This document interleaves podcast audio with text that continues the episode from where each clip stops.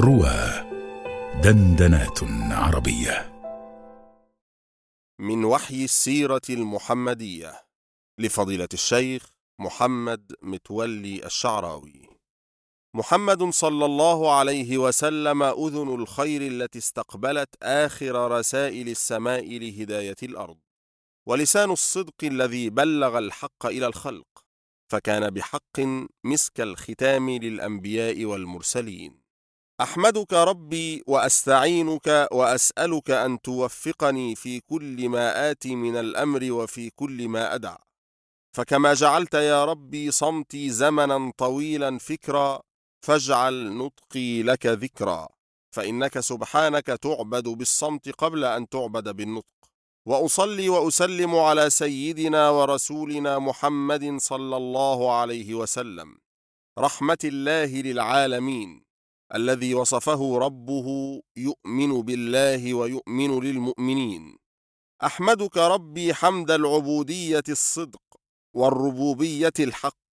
سبحانك تنزهت عن كل صفات الحادث.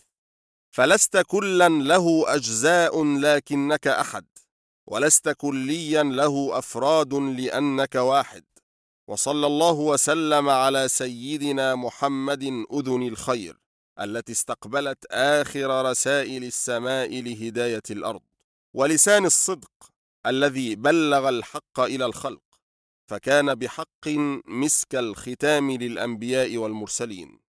وما أجمل أن يلتقي المسلمون على ذكرى المناسبات الإسلامية المباركة في كل عام فإن عطاء الأحداث في الإسلام ليس مناسبة تحيا وتفوت بفوات الزمن. وبخاصة مناسبة شهر رمضان المعظم لكنها تتكرر كل عام كالكلمة الطيبة. ضرب الله مثلا كلمة طيبة كشجرة طيبة أصلها ثابت وفرعها في السماء تؤتي أكلها كل حين بإذن ربها. فليست العبرة من أحداث المسيرة الشريفة التي نلتقطها هذا العام كالعبرة التي التقطناها في الأعوام الماضية وكل وقت له عطاؤه من منهج الله فهو يعطي كل جيل عطاء على قدر استعداده في الصفاء والفهم والمدارسة. إن رسول الله صلى الله عليه وسلم لم يهجر مكة لأنه كره مقامه بها بل إنه قال وهو يغادرها إني لأعلم يا مكة أنك أحب بلاد الله إلي ولولا أن أهلك أخرجوني منك ما خرجت.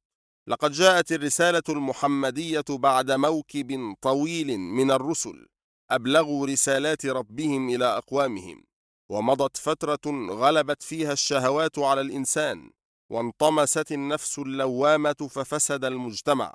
وحين تنطمس النفس اللوامة لغلبة الشهوات على الإنسان وحين يفسد المجتمع ولا توجد طائفة تأخذ بيد النفس اللوامة فإن السماء تتدخل برسول جديد وكان هذا الرسول هو النبي محمد صلى الله عليه وسلم.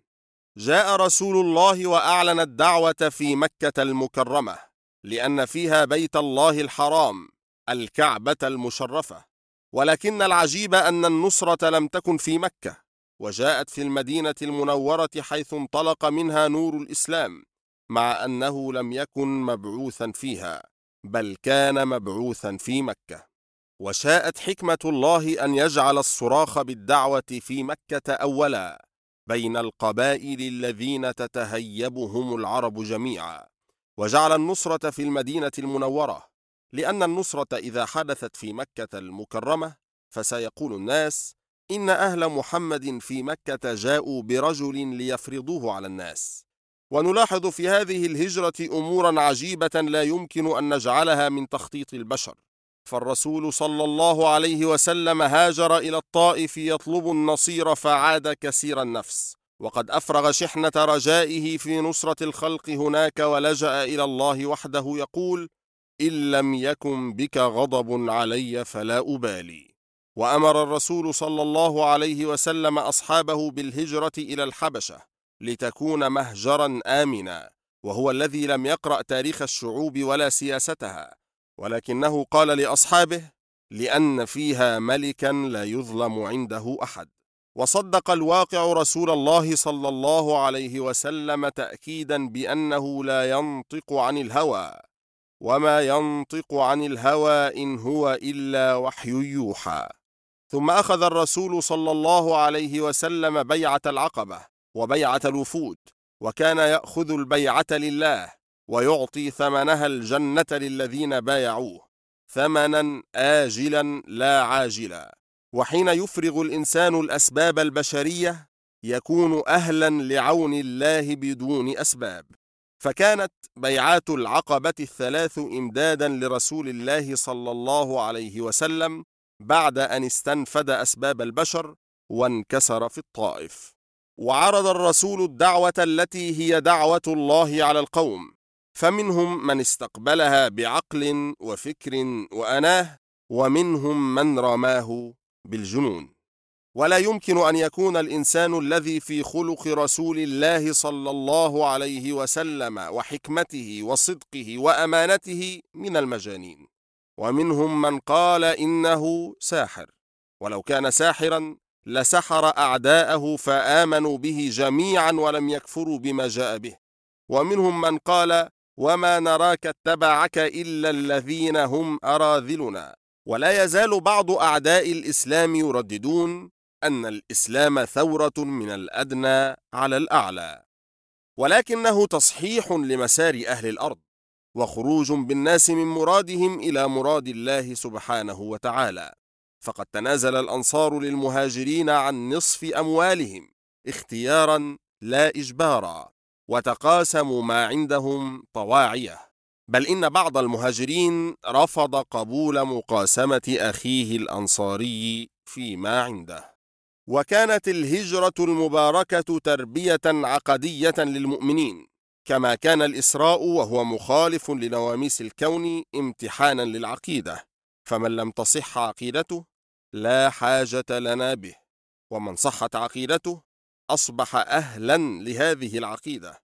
وكان أول الذين صحت عقيدتهم سيدنا أبو بكر رضي الله عنه الذي أخبره الناس بالإسراء فقال قبل أن يلقى النبي محمدا صلى الله عليه وسلم والله إن كان قد قال ذلك فقد صدق.